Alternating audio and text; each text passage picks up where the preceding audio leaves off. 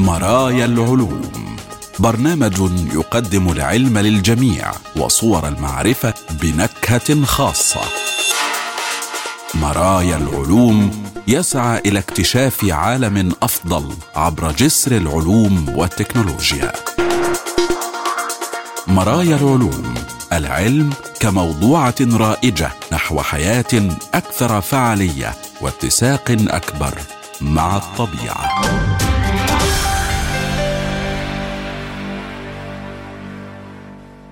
أهلا بكم وحلقة جديدة من برنامج مرايا العلوم حيث العلوم والحياة وصور المعرفة وتردداتها بلا حدود والسعي نحو غد أفضل يتسع للجميع ويفتح ذراعيه لعقول السلام. معكم أحمد أحمد وفي هذه الحلقة بكتيريا فهم السلوك الجماعي. وكيفية تعليم إناث الحيوانات بعضها اختيار الذكور المميزين.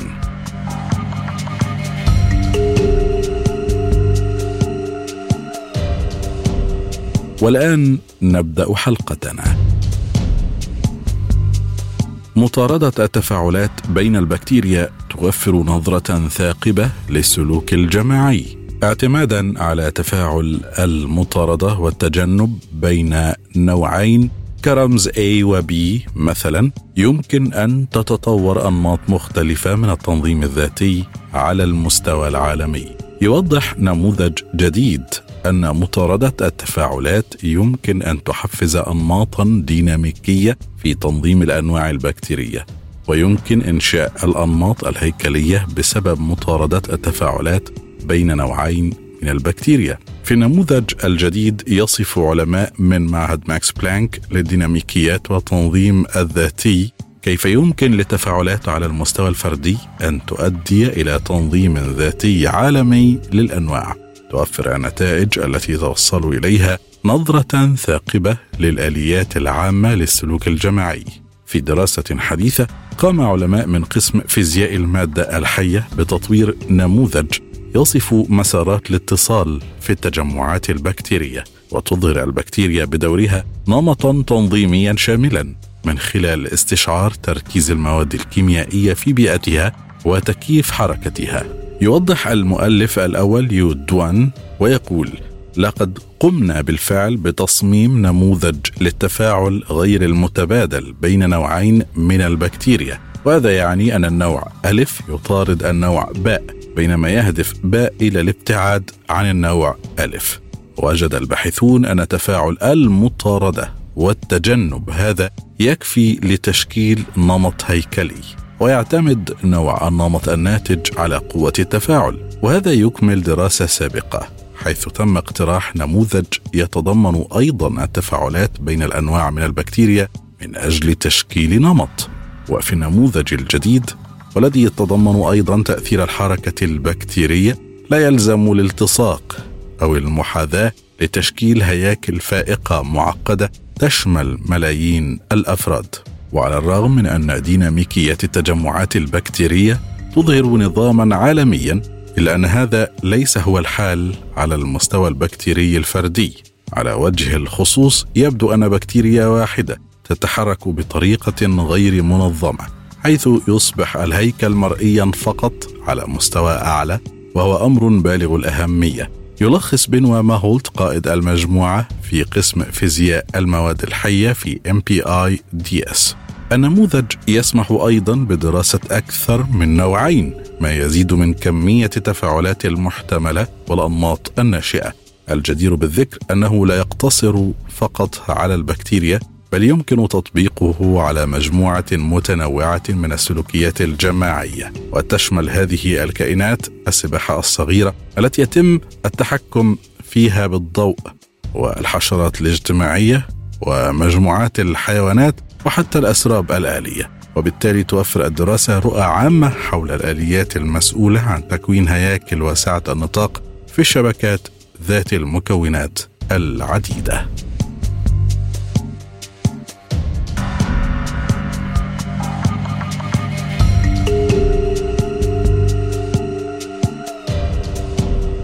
تقوم إناث الحيوانات بتعليم بعضها البعض كيفية اختيار الذكور غير العاديين. ما الذي يجذبنا إلى رفاقنا المحتملين؟ تشير دراسة جديدة إلى أن إناث الحيوانات تتعلم من الإناث الأخريات تفضيل الذكور المميزين كأصحاب. يتضمن الانتقاء الجنسي تطور سمات مثل الذيل الطويل والمتقن للطاووس. وقد تطورت هذه السمات لتعزيز فرصة الحيوان في جذب رفيقة بدلا من تعزيز القدرة على البقاء. يمثل الذيل الثقيل والملون عائقا إذا كنت تحاول الهروب من حيوان مفترس. بشكل عام يتنافس الذكور على الوصول إلى الإناث حيث إن استثمار الذكر في النسل غالبا الحيوانات المنوية فقط. هو أقل بكثير من الجهد الذي تبذله الأنثى لإنتاج البيض الذي هو أكبر من الحيوانات المنوية والحمل وربما تربية النسل. لذلك فإن تزاوج الأنثى مع ذكر رديء الجودة يكون أكثر تكلفة بكثير من العكس حيث يمكن للذكر أن ينتقل بسرعة إلى الأنثى التالية. وبالفعل قد أدى ذلك إلى تطور عدد كبير من سمات الذكور المنتقى جنسيا في المملكة الحيوانية وبعض الإناث شديدة الاختيار. تاريخيا ركز العلماء على التفاعلات بين الذكور وغالبا ما تجاهلوا الطريقة التي تشكل بها الإناث التطور. ولكن الآن يولي الباحثون المزيد من الاهتمام للتأثيرات الرائعة لهذه الوكالة الأنثوية. طورت الدراسة الجديدة التي أجرتها جامعة ولاية فلوريدا في الولايات المتحدة نموذجا رياضيا لمحاولة تفسير بعض الثغرات في نظريات الانتقاء الجنسي. اولا من المفيد أن نفهم ما أظهرته الأبحاث حول ما يجعل الذكر جذابا في مملكة الحيوان. من حيث المظهر فإن الذكور الذين لديهم أكبر وسائد خد أو حواف مثلا هم الأكثر جاذبية لإناث إنسان الغاب في حين أن الذكور ذوي السيوف الأطول يدفعون إناث أسماك السيف إلى البرية. لا يقتصر الأمر على المظهر الجسدي فقط والذي تختار الإناث فيه رفاقهن من أجله. تجذب ذكور اليمور حلقي الذيل ذات الرائحة النفاذة معظم الإناث. هناك أيضا الكثير والكثير من الأمثلة على السمات الأكثر تعقيدا بما في ذلك حركات الغناء والرقص لطيور الجنة أو أنماط دوائر المحاصيل التي يصنعها ذكور السمكة المنتفخة اليابانية لإثارة إعجاب الإناث. وليس دائما الذكور هم الذين يتنافسون ليتم اختيارهم من قبل الإناث. يختار الذكور الذباب ذو العيون السيقانية الإناث بناء على المسافة بين أعينهن. ويجدون بالتالي نطاق العيون الأوسع أكثر جاذبية. تتضمن النظريات الحالية للانتقاء الجنسي اختيار الحيوانات لرفاقها بسبب علامات امتلاكهم لجينات جيدة مثلا الذيل الطويل والمتقن. ويشير الشريك القوي الرجولي إلى أنه سينتج ذرية صحيحة وسليمة بدلا من ذلك فإن الحيوانات التي لديها سمة معيقة ومع ذلك لا تزال على قيد الحياة من المحتمل أن تكون ذات جودة وراثية عالية. نعم، هناك أيضا نظريات التحيز الحسي حيث تكون تفضيلات التزاوج نتيجة ثانوية للانتقاء الطبيعي للحواس. على سبيل المثال ينحاز نطاق السمع لدى إناث ضفادع التنجرة نحو الترددات المنخفضة بالتزامن مع تفضيلها للمكالمات ذات التردد المنخفض التي يصدرها الذكور الأكبر حجما ومع ذلك لا تفسر أي من هذه النظريات سبب وجود تباين كبير في سمات الذكور من نفس النوع أو لماذا يمكن أن تختلف تفضيلات الإناث بمرور الوقت أو داخل النوع الواحد؟ نظرت الدراسة الجديدة فيما إذا كانت اختيارات الإناث للشريك تعتمد على مشاهدة الإناث الأكثر خبرة إذ يخترن أقرانهن. ومن المعروف أن الحيوانات يمكن أن تتعلم من مراقبة الآخرين. على سبيل المثال تتعلم الغربان الصغيرة كيفية صنع الأدوات الأساسية من خلال مراقبة والديها. كما ظهر التعلم أيضا في اختيار الشريك حيث إن الإناث اللواتي يراقبن الآخرين مع الذكر هن أكثر عرضة لاختيار ذلك الذكر بأنفسهن. أو شخصا له سمات مماثلة. واستند الباحثون في نموذجهم إلى فرضية الجاذبية المستنبطة حيث تقارن الإناث عديمات الخبرة صفات الذكر الذي تختاره الأنثى ذات الخبرة بصفات جميع الذكور. على سبيل المثال إذا رأت أنثى أنثى ذات خبرة مع ذكر ذي ألوان زاهية فقد تبحث عن رفيق ذي ألوان زاهية أيضا. وهذا من شأنه أن يؤدي إلى أن تصبح الألوان الزاهية أكثر شيوعا مما يقلل من التباين. ومع ذلك فإن فرضية الجاذبية المستنتجة لا تزال لا تفسر سبب وجود الكثير من الاختلاف بين الذكور. وكانت الدراسة الأمريكية هي الأولى التي اعتبرت أن الإناث قد لا يكن قارئات للأفكار وقد يرتكبن أخطاء عندما يحاولن تقليد الإناث الأخريات. في المثال الافتراضي الموضح تفضل الأنثى ذات الخبرة الذكور من ذوي الريش الأكثر احمرارا لذا تختار التزاوج مع الذكر الذي يمتلك هذه الصفات وتعتقد المراقبات. عديمات الخبرة أن الذيل الطويل الذكر مثلا جعله أكثر جاذبية من أقرانه. استخدم الباحثون محاكاة حاسوبية تعتمد على نموذج رياضي لمجتمع تزاوج فيه ذكور مع العديد من الإناث. يتضمن نموذج ذكورا بصفتين مع متغيرين فقط لكل منهما لون مشرق أو باهت وطول ذيل طويل أو قصير. أظهر نموذجهم أنه عندما تختار الإناث الذكور بناء على نفس السمة التي اختارتها الأنثى ذات الخبرة تصبح هذه السمات ثابتة في السكان دون أي اختلاف. عندما اختارت الإناث ذكرا أكثر تمييزا أدى ذلك إلى أن تصبح السمة النادرة أكثر شيوعا وبالتالي أقل جاذبية. وأدى ذلك بدوره إلى تغيرات في تفضيلات الإناث مع مرور الوقت بدلا من أن تتفوق سمة جذابة واحدة على بقية السمات الأخرى. اذا لن نعرف ما إذا كان هذا يحدث في الحياة الواقعية حتى يقوم العلماء بإجراء دراسات ميدانية. لكن هذه هي النظريه الأولى في الانتقاء الجنسي التي تشرح كيف يمكن الحفاظ على التنوع في المجموعات السكانية. الشخص الذي يعجبني مثلا نظرا لمظهره الجميل وروح الدعابة التي يتمتع بها هو الاكثر جاذبية وفرصة. لكن التساؤل الآن ما الذي قد يراه الآخرون في الآخرين؟ مثلا العيون أم تلك الابتسامة أم أشياء أخرى مختلفة على الإطلاق؟ بقايا انقسام الخلايا يمكن أن تكون مسؤولة عن انتشار السرطان. كان يعتقد سابقا أنها سله مهملات الخلية إلا أن فقاعة صغيرة من المواد الخلوية تسمى بقايا منتصف الجسم تقوم في الواقع بتعبئة المواد الوراثية العاملة مع القدرة على تغيير مصير الخلايا الأخرى بما في ذلك تحويلها إلى السرطان. إنها مفاجأة لكثيرين. وفقا لأهنا سكوب أستاذة علم الوراثة بجامعة ويسكونسن ماديسون.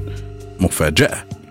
فعندما تنقسم خلية واحدة مثلا إلى خليتين وهي عملية تسمى الانقسام الفتيلي فإن النتيجة لا تقتصر فقط على الخليتين الابنتين. يقول سكوب تنقسم الخلية الواحدة إلى ثلاثة أشياء. خليتين وبقايا وسيطة واحدة. وهي عضية لإشارات جديدة. ما أدهشنا هو أن الجزء الأوسط من الجسم مليء بالمعلومات الجينية. RNA تحديدا التي ليس لها علاقة كبيرة بانقسام الخلايا على الإطلاق ولكنها وظائف محتملة بالتواصل الخلوي.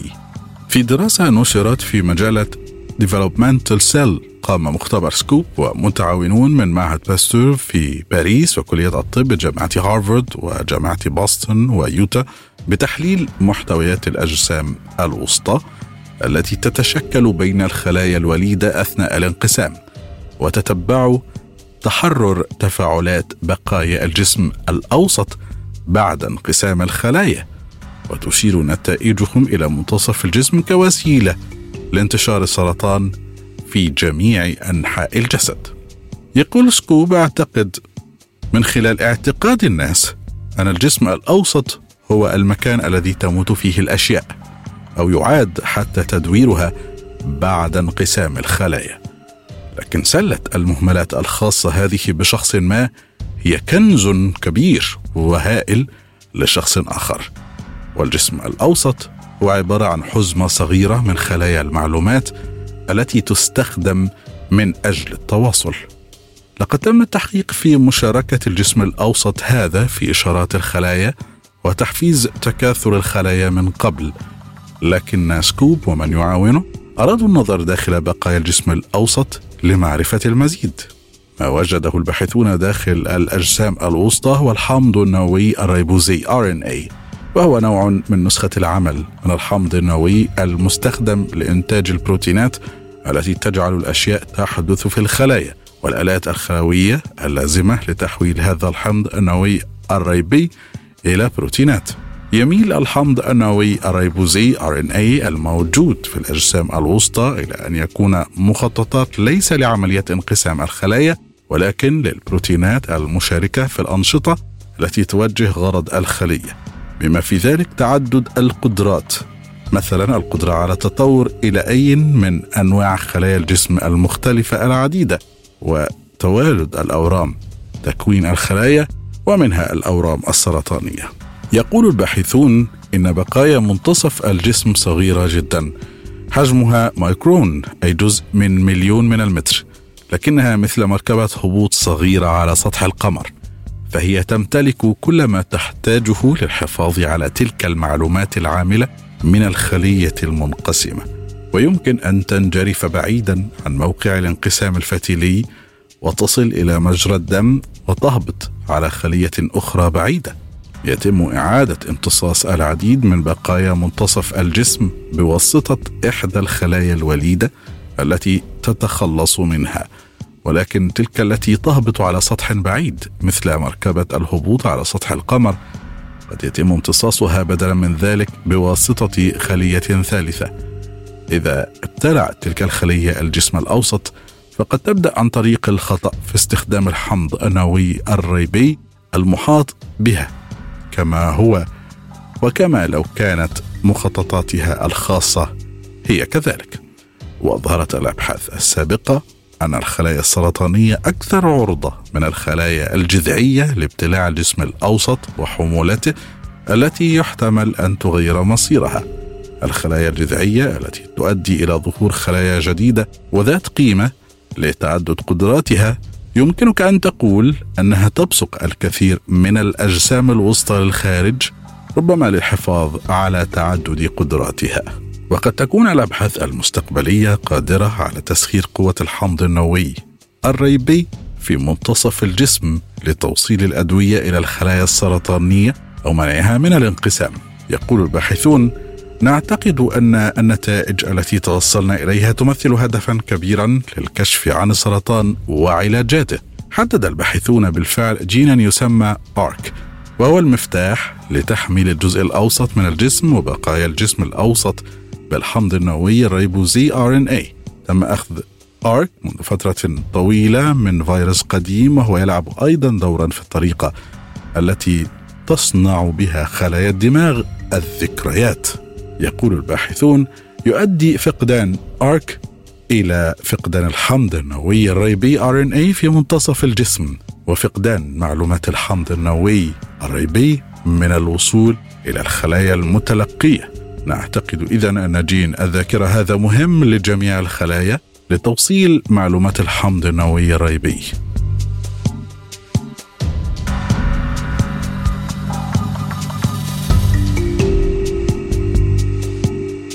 الكيمياء تجعل الأفلام المضادة للبكتيريا أكثر فعالية بالحديد قام الكيميائيون في جامعة رودن بتحسين فعالية أفلام وشرائط وشرائح الكيتوزان المضادة للبكتيريا المستخدمة في الطب وصناعة الأغذية وذلك عن طريق إضافة الحديد ومشتق الكيتين الجديد إلى جزيئات الكيتين النانوية.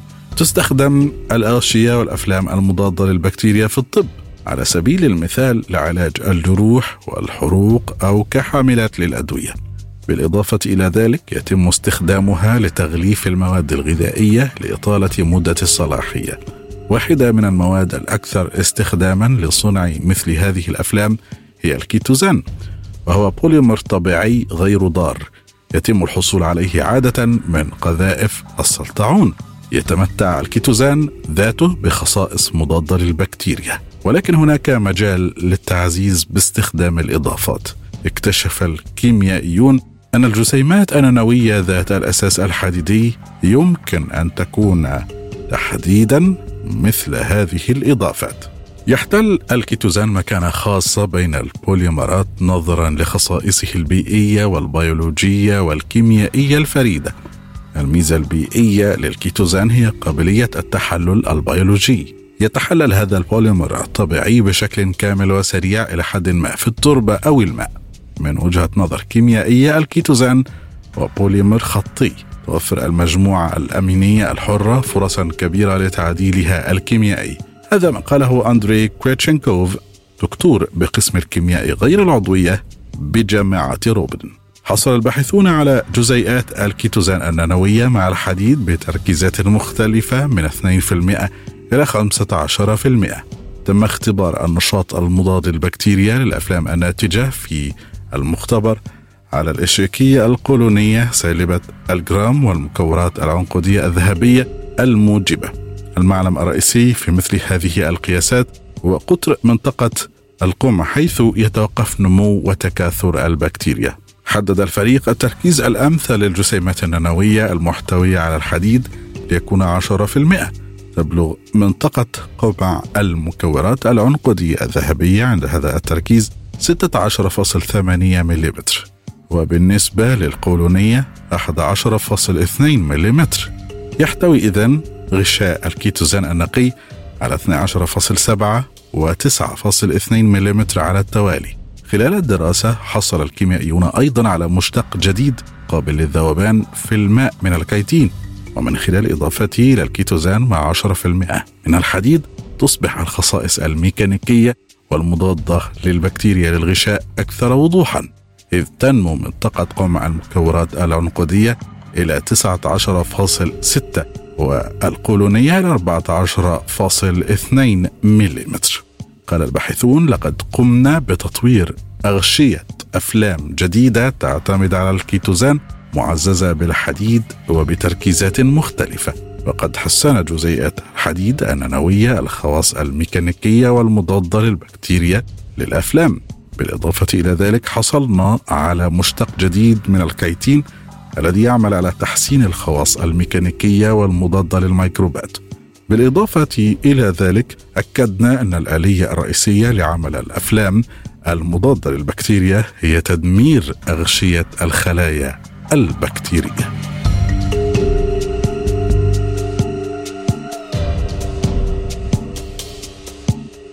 النجوم النابضة قد تجعل المادة المظلمة تتوهج السؤال المركزي في البحث المستمر عن المادة المظلمة هو مما تتكون؟ إحدى الإجابات المحتملة هي أن المادة المظلمة تتكون من جسيمات تعرف باسم الأكسيونات. أظهر فريق من علماء الفيزياء الفلكية بقيادة باحثين من جامعتي أمستردام وبرينستون أنه إذا كانت المادة المظلمة تتكون من محاور عصبية مثلا فإنها قد تكشف عن نفسها على شكل توهج إضافي خفي قادم من النجوم النابضة. ربما تكون المادة المظلمة هي المكون الأكثر طلبا في كوننا. ومن المثير للدهشة أن هذا الشكل الغامض من المادة والذي لم يتمكن الفيزيائيون وعلماء الفلك حتى الآن من اكتشافه يفترض أنه يشكل جزءا هائلا مما هو موجود هناك بالفعل. يعتقد أن ما لا يقل عن 85% من المادة في الكون هي مظلمة ولا يمكن رؤيتها حاليا إلا من خلال قوة الجاذبية التي تمارسها على الأجسام الفلكية الأخرى. ومن المفهوم أن العلماء يريدون المزيد إنهم يريدون رؤية المادة المظلمة حقا.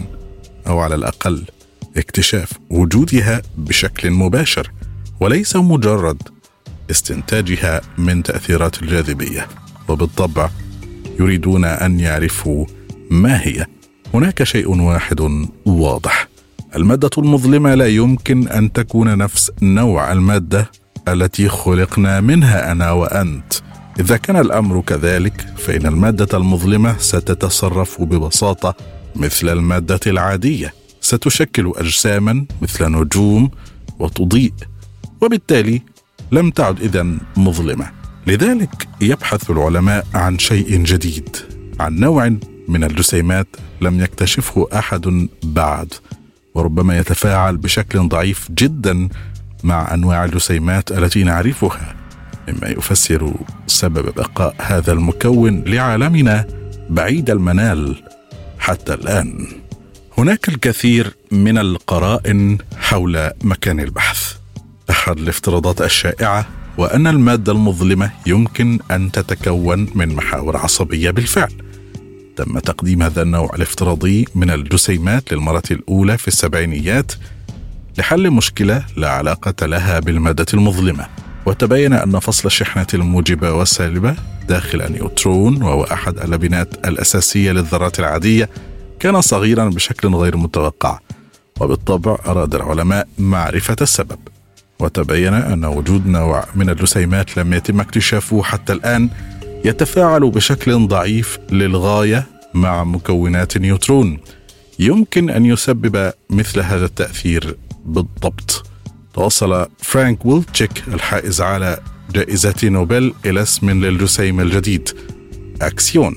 وهو ليس مشابها لأسماء الجسيمات الأخرى مثل البروتون والنيوترون والإلكترون والفوتون فحسب.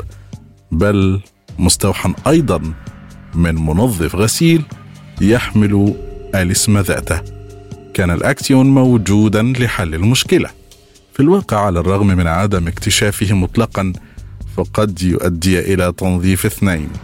يبدو أن العديد من النظريات المتعلقة بالجسيمات الأولية بما في ذلك نظرية الأوتار وهي إحدى النظريات المرشحة الرائدة لتوحيد جميع القوى في الطبيعة تتنبأ بإمكانية وجود جسيمات تشبه الأكسيونات. إذا كانت المحاور موجودة بالفعل فهل يمكن أن تشكل جزءا أو حتى كل المادة المظلمة المفقودة؟ ولكن يمكن أيضا تحويل بعض المحاور إلى ضوء في وجود مجالات كهرومغناطيسية قوية. وبمجرد وجود الضوء يمكننا أن نرى. هل يمكن اذا أن يكون هذا هو المفتاح لاكتشاف الأكسيونات؟ وبالتالي اكتشاف المادة المظلمة؟